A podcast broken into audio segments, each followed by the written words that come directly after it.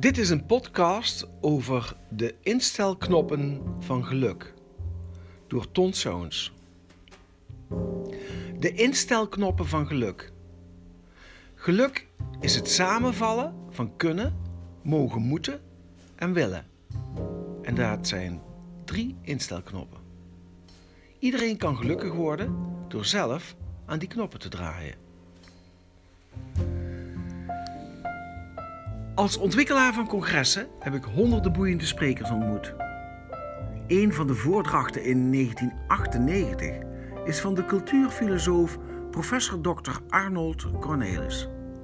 Hij blijkt van alle sprekers uit mijn congrescarrière de onbetwiste topper. In de evaluaties scoort hij een 9,1 gemiddeld.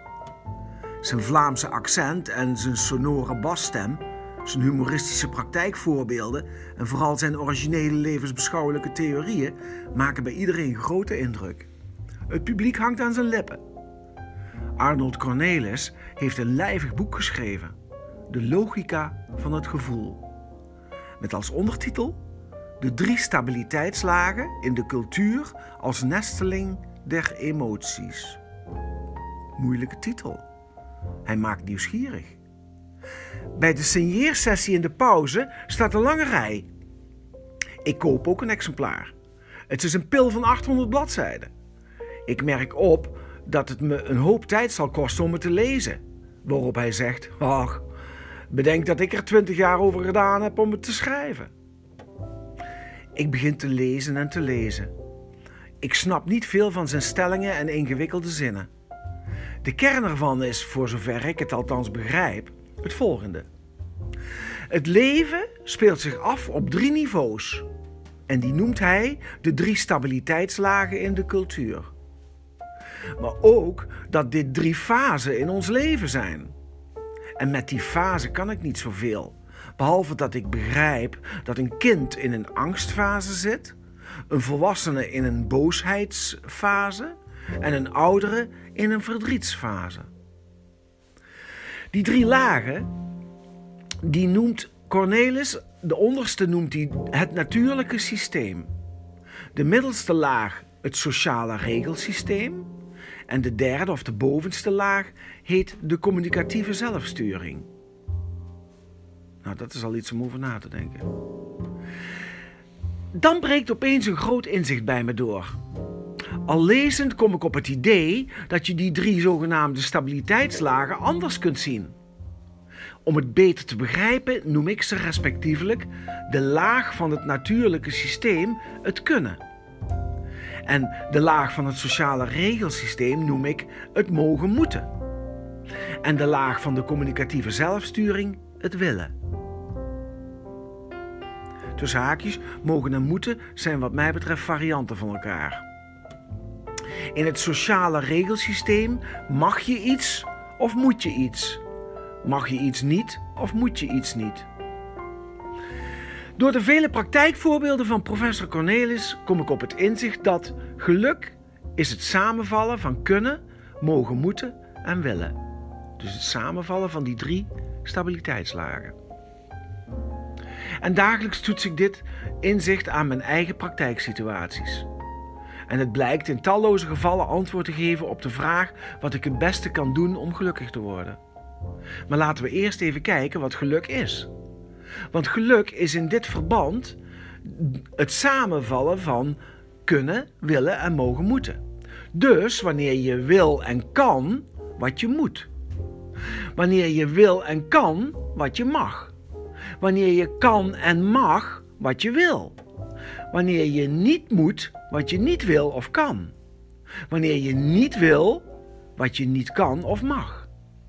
Snap je? Als er een discrepantie is tussen die lagen, is dat een bron van ongelukkig zijn. Merk nou op dat kunnen en willen over jezelf gaat en daarom zelfkennis vereist. En dat het tweede niveau, het mogen moeten, over je omgeving gaat. Wat mag ik en wat moet ik, wordt door de omgeving bepaald. En wat je wil en wat je kan, wordt door jezelf bepaald. Vat de woorden kunnen, mogen moeten en willen zo breed mogelijk op. Denk aan kunnen bijvoorbeeld aan begrippen zoals vaardigheden, capaciteiten, competenties, talenten, conditie, intelligentie, inzicht, instinct, intuïtie, maar ook voelen, waarnemen, gereedschappen, financiële vermogens. Is allemaal kunnen. Varianten van willen, dus van het hoogste niveau, ook weer van jezelf, zijn begrippen als ambitie, doelstellingen, wensen, leuk vinden, streven, waarden, principes. En ook het begrip zin in de betekenissen van graag willen en zingeving verwijst naar een vorm van willen. Tot slot kun je het mogen en moeten, dus het middelste niveau, het sociale regelsysteemniveau, kun jij associëren met termen als de omgeving, omstandigheden, situaties, opgelegde targets, normen, regels, wetten, grenzen, voorwaarden, contracten, afspraken. Allemaal dingen die door de omgeving worden bepaald. Wees er nou bedacht dat wat jouw omgeving wil, wordt tot wat jij mag of moet. Wat de omgeving wil, wordt tot wat jij mag of moet. Wat jij opgelegd krijgt van anderen, is de wil van die anderen, maar een moeten voor jou. Illustratief daarvoor is de klassieke uitdrukking: vaders wil is wet. Wat een vader wil, is wat jij moet of mag. Maar ook wat een dictator wil, is wat jij mag of moet.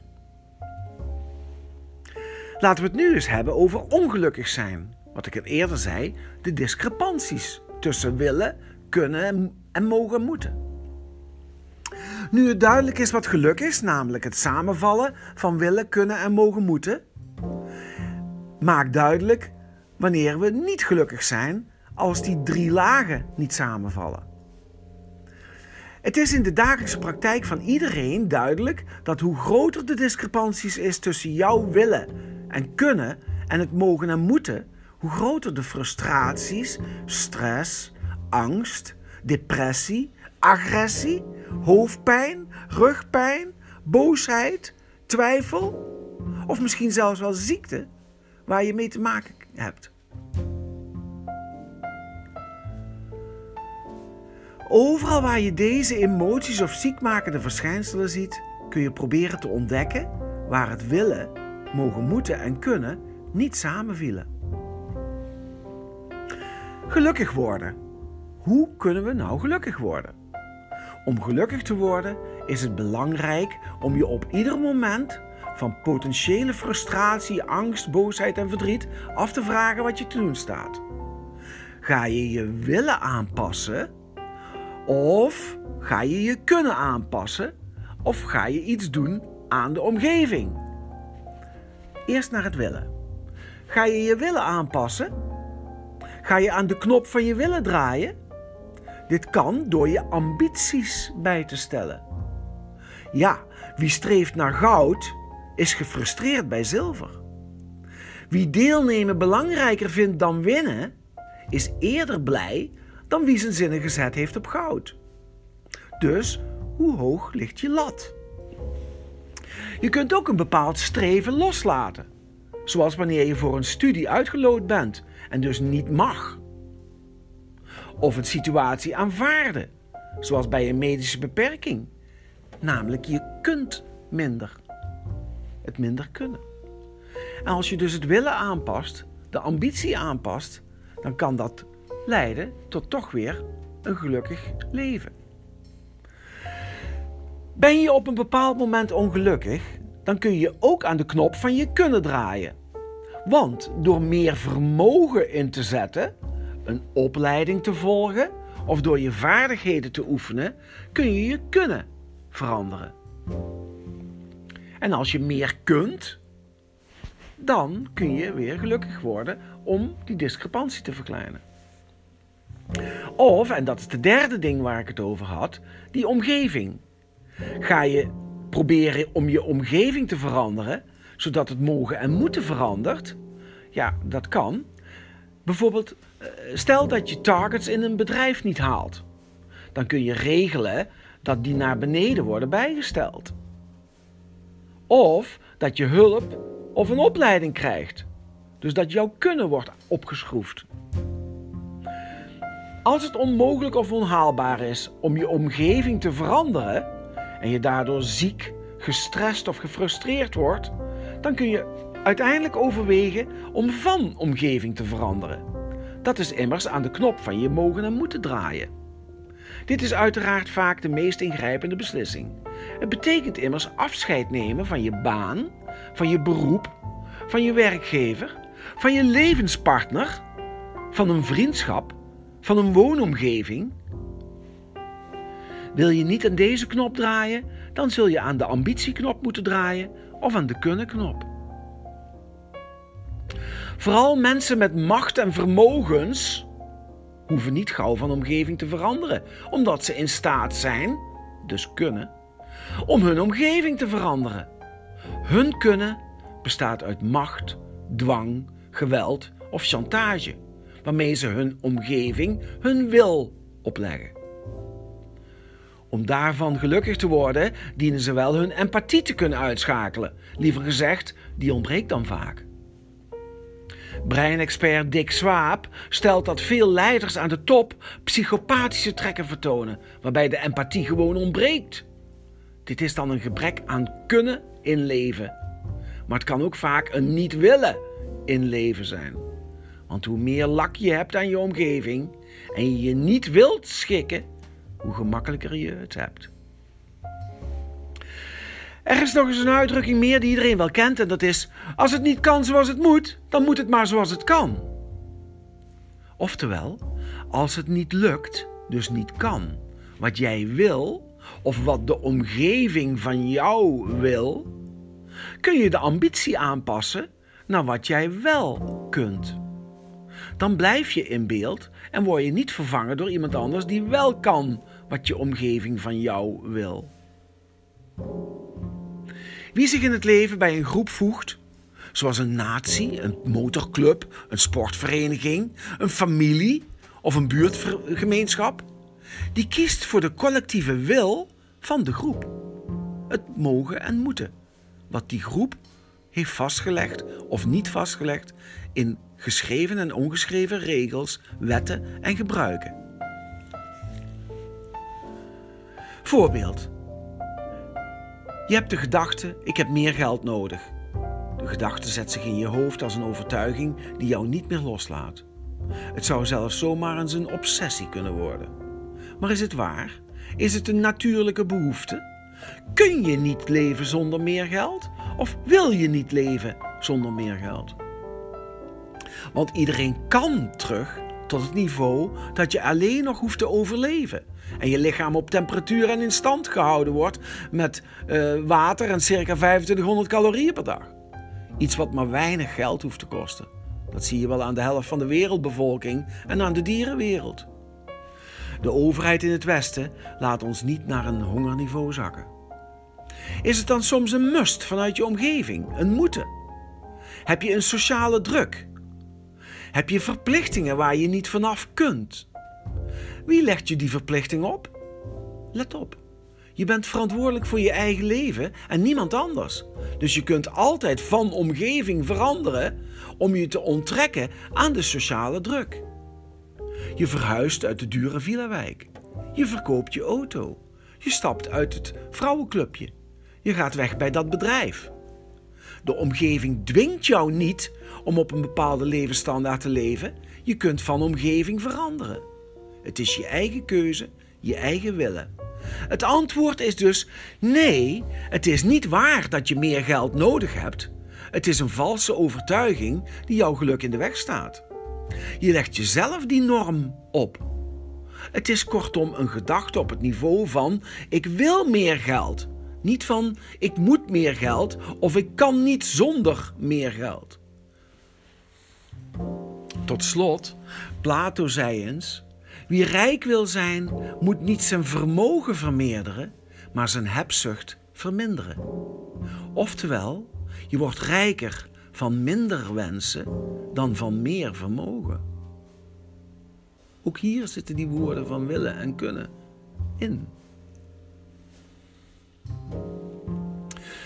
Laten we die drie lagen nu eens nader beschouwen. Op het niveau van het natuurlijke systeem, het kunnen, kunnen we alleen maar iets. Op dat niveau zitten vooral biologische verschijnselen, zoals levensbehoeften, driften en fysieke condities. Ieder levend wezen wil weliswaar eten, veiligheid, warmte of seks, maar dat zijn behoeften en wensen van het natuurlijke niveau, niet van het willenniveau. Het zijn de bekende onderste lagen van de Maslow-pyramide. Wie wils onbekwaam is, heeft wel de natuurlijke behoefte op het eerste, het biologische niveau, maar functioneert niet op het willenniveau. Niet op dat ambitieniveau. Tot deze categorie van zogenaamde wilsonbekwamen behoren bijvoorbeeld dieren, baby's, kleine kinderen en geestelijk ernstig beperkte personen, zoals dementerenden. Zwaar dementerende bedoel ik dan. Kan een wilsonbekwame persoon dan niet gelukkig zijn omdat ze niets wil? Jawel, integendeel. Juist omdat de lat van eh, haar willenniveau zo laag ligt, is het samenvallen van haar mogen moeten en kunnen al voldoende voor geluk, in die situatie vaker tevredenheid genoemd. Wie niets ambieert of verwacht, is al tevreden als ze mag wat ze kan en niet moet wat ze niet kan. Voorbeeld. Je komt in een verzorgingscentrum waar demente ouderen wonen. De aanblik van de ingezakte vogeltjes maakt je verdrietig. Je denkt dat ze ongelukkig zijn. Die gedachte is jouw overtuiging. Die ontstaat door jouw norm voor wat gelukkig maakt en wat nodig is voor geluk. Maar je redeneert dan niet vanuit de bewoners. De bewoners leven op het natuurlijke niveau en hebben bijna geen wensen. Ze leven oneerbiedig vergeleken zoals dieren in de vrije natuur. Eten, slapen, wat genieten van de omgeving, van de zon, wat omgeving hen aanbiedt. Wat muziek en lieve woordjes, een douche of een washandje, van de frisse buitenlucht en een windje over hun zachte wangen. Diogenes van Sinope woonde in de vierde eeuw voor Christus in een menshoge kruik toen Alexander de Grote hem, hem medelijdend vroeg waar hij hem een plezier mee kon doen. Maar Diogenes antwoordde: Niets, ga maar uit mijn zon staan. Bij de mens zit op het natuurlijke niveau ook wat we kunnen met onze intelligentie en met onze individuele of evolutionaire verworvenheden. Talenten, vaardigheden, instrumenten, kapitaal kortom vermogens in alle betekenissen. Op het sociale niveau zit het mogen en moeten van onze omgeving, van onze omstandigheden en van onze beschaving. Kortom, alles wat zich aan cultuur, afspraken en gewoonten van buitenaf aandient. En waar niet iedereen altijd mee leven kan. En dan bedoel ik dus mee leven wil. Let op, wat zich aan normen, overtuigingen, psychologische bedenksels vanuit onszelf aandient, zit op het eerste niveau. Dat is weer het kunnen. Als je wil, kun je de aarde als metafoor zien voor het eerste niveau. De aarde. Kun je de stad zien als metafoor voor het tweede niveau. Het sociale regelsysteem. De cultuur van mogen en moeten. En de hemel als metafoor voor het derde niveau. Het willen, de droom, de ambitie. Op het derde niveau zit de droom waarin, je, waarin mensen dingen nastreven, ambiëren, willen bereiken, kortom wat ze graag mogen. Een variant dus op deze geluksdefinitie die ik eerder gaf, is daarom: geluk is het samenvallen van vermogen, mogen en graag mogen.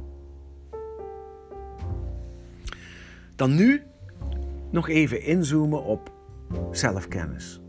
Wat ik al zei, het kunnen en het willen zijn dingen die over jezelf gaan. En het is heel goed om zelfkennis te hebben, om heel goed te weten wat kan ik en wat wil ik. Boven het orakel van Delphi in Griekenland stond een paar duizend jaar geleden geschreven: Ken jezelf. Het is een aanbeveling om de vraag te beantwoorden: wat wil ik en wat kan ik? Voor wat wil ik mag je ook lezen: wat vind ik leuk? Ken jezelf. Een goede opticien is nog geen goede montuuradviseur. Een goede verkoper nog geen goede afdelingsmanager. Een briljante technicus nog geen succesvolle ondernemer. Menig falende manager was eerder een fantastische vakspecialist.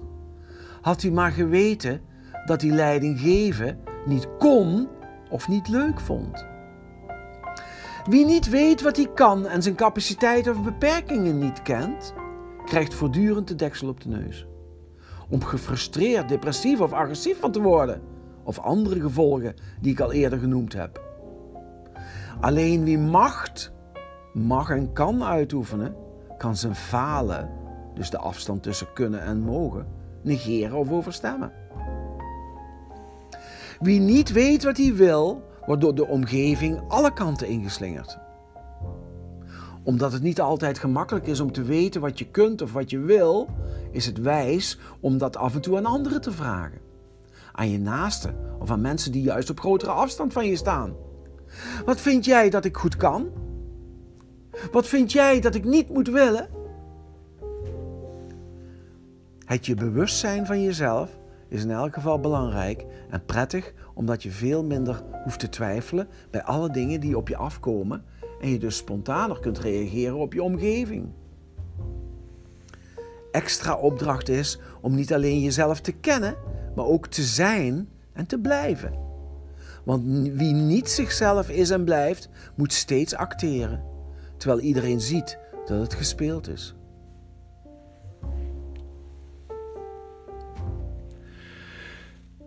Het komt heel vaak voor dat je als gezaghebbende of als partner wil dat iemand iets doet. Iets moet dus. Een norm halen, zogezegd. Als iemand een norm niet haalt, rijst altijd weer de vraag: was het nou een kwestie van niet willen of niet kunnen? Dat maakt nogal verschil.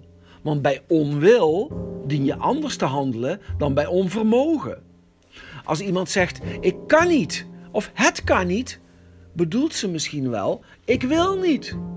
Het is zelden dat je hierover een verkeerd gevoel hebt, want de lichaamstaal spreekt vaak boekdelen. Bij onwil is het zaak om de weerstand bloot te leggen en te achterhalen waar deze vandaan komt. Vaak zitten er overtuigingen die eerst weggenomen moeten worden. Of wordt het nodig om toe te geven, los te laten, de discrepantie te erkennen, met als mogelijke uitkomst afscheid nemen van de norm of afscheid nemen van de persoon die dat niet wil of kan. Bij onvermogen moet je liefde en compassie inzetten. Liefde, mededogen, ja. Met liefde en respect voor een persoon is misschien een oplossing te vinden. En dat kan zijn hulp bieden investeren in opleiding, begeleiding en training. Of een verantwoordelijkheid wegnemen en overdragen aan iemand die het wel kan en wil. Ik solliciteerde als pas afgestudeerde ingenieur bij een telecombedrijf in Amsterdam. En na een lange treinreis kwam ik keurig in het pak tegenover een personeelsmanager te zitten. Ons gesprek duurde niet lang, want ze had wel snel door dat ik misschien wel kon, maar eigenlijk niet wilde namelijk verhuizen of dagelijks lang reizen naar Amsterdam. Ik stond er binnen een kwartier weer buiten. Enigszins ontgoocheld, maar wel opgelucht. Iemand moest me toen nog helpen mezelf te leren kennen. Willen is kunnen. Een paar jaar geleden voerde de Frieslandbank een marketingcampagne met de slogan Willen is kunnen. Zelfs met een gelijknamige website, waar helaas niet op dit onderwerp werd ingegaan. en tja, iedereen kent ook de gezegde waar een wil is, is een weg. En oefening baart kunst. In het populaire spirituele boek The Secret van Rhonda Byrne wordt de wet van de aantrekking beschreven met als boodschap dat wie denkt aan wat hij wil, ook bereikt en krijgt wat hij denkt. Thoughts become things, zegt Mike Dooley in het boek. Een mooie wens, zeker het proberen waard. Voor sommige kwaliteiten geldt dat je er minstens 10.000 uren oefening in gestoken moet hebben. Dan wordt erg willen en try hard beloond met meer kunnen. Wel kunnen, maar niet meer leuk vinden. Ik heb 17,5 jaar bij een groot en succesvol congresbureau gewerkt. Steeds met veel enthousiasme en ook succes. Als ik er zo enthousiast over vertelde, vroegen mijn vrienden vaak waarom ik niet een eigen zaak begon. En stevast was mijn antwoord: ik moet dan alles zelf doen waar ik nu collega's voor heb, omdat ik het eigenlijk liever niet zelf wil. Ik genoot van de hele setting. Ik zat in het management en had in de loop der jaren het werk steeds meer naar mijn eigen wensen, willen en capaciteiten kunnen in kunnen richten, in mogen richten. Totdat in 2004 de balans omsloeg. De energiebalans die aangeeft of, het werk je, nog steeds, of je het werk nog steeds leuk vindt. Ook al kun je de kunstjes wel. Nee, wat ik moest doen bleek me meer energie te kosten dan het me gaf. En dat heet heel treffend een negatieve spiraal.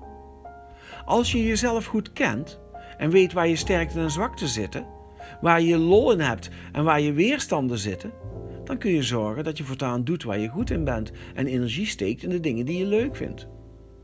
Als je doet wat je leuk vindt en goed kunt, kost het minder energie dan wanneer je iets niet goed kunt of er geen lol aan beleeft.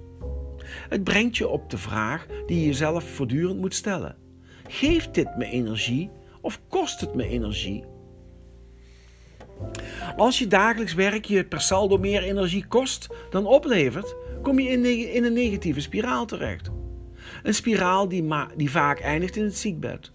Je raakt uitgeput, je krijgt een burn-out, rug- of hoofdpijn, je gaat er letterlijk of figuurlijk aan kapot. De vraag is dus in je werk of in je privéleven: wat zijn de energiegevers? Wat zijn de energievreters? Toen mijn gang naar kantoor en de vaste rituelen in het bedrijf me steeds zwaarder begonnen te vallen, kwam de conclusie dat ik niet mezelf of mijn werkgever moest veranderen, maar van omgeving moest veranderen. En ik ben een eigen zaak begonnen. Ik heb daar geen seconde spijt van gehad. Sterker nog, het voelde als het begin van een nieuw leven. Dit is deel 1 van de podcast over de instelknoppen van geluk. In deel 2 hoor je meer over hoe je meer kunt beïnvloeden wat er met de instelknoppen kan.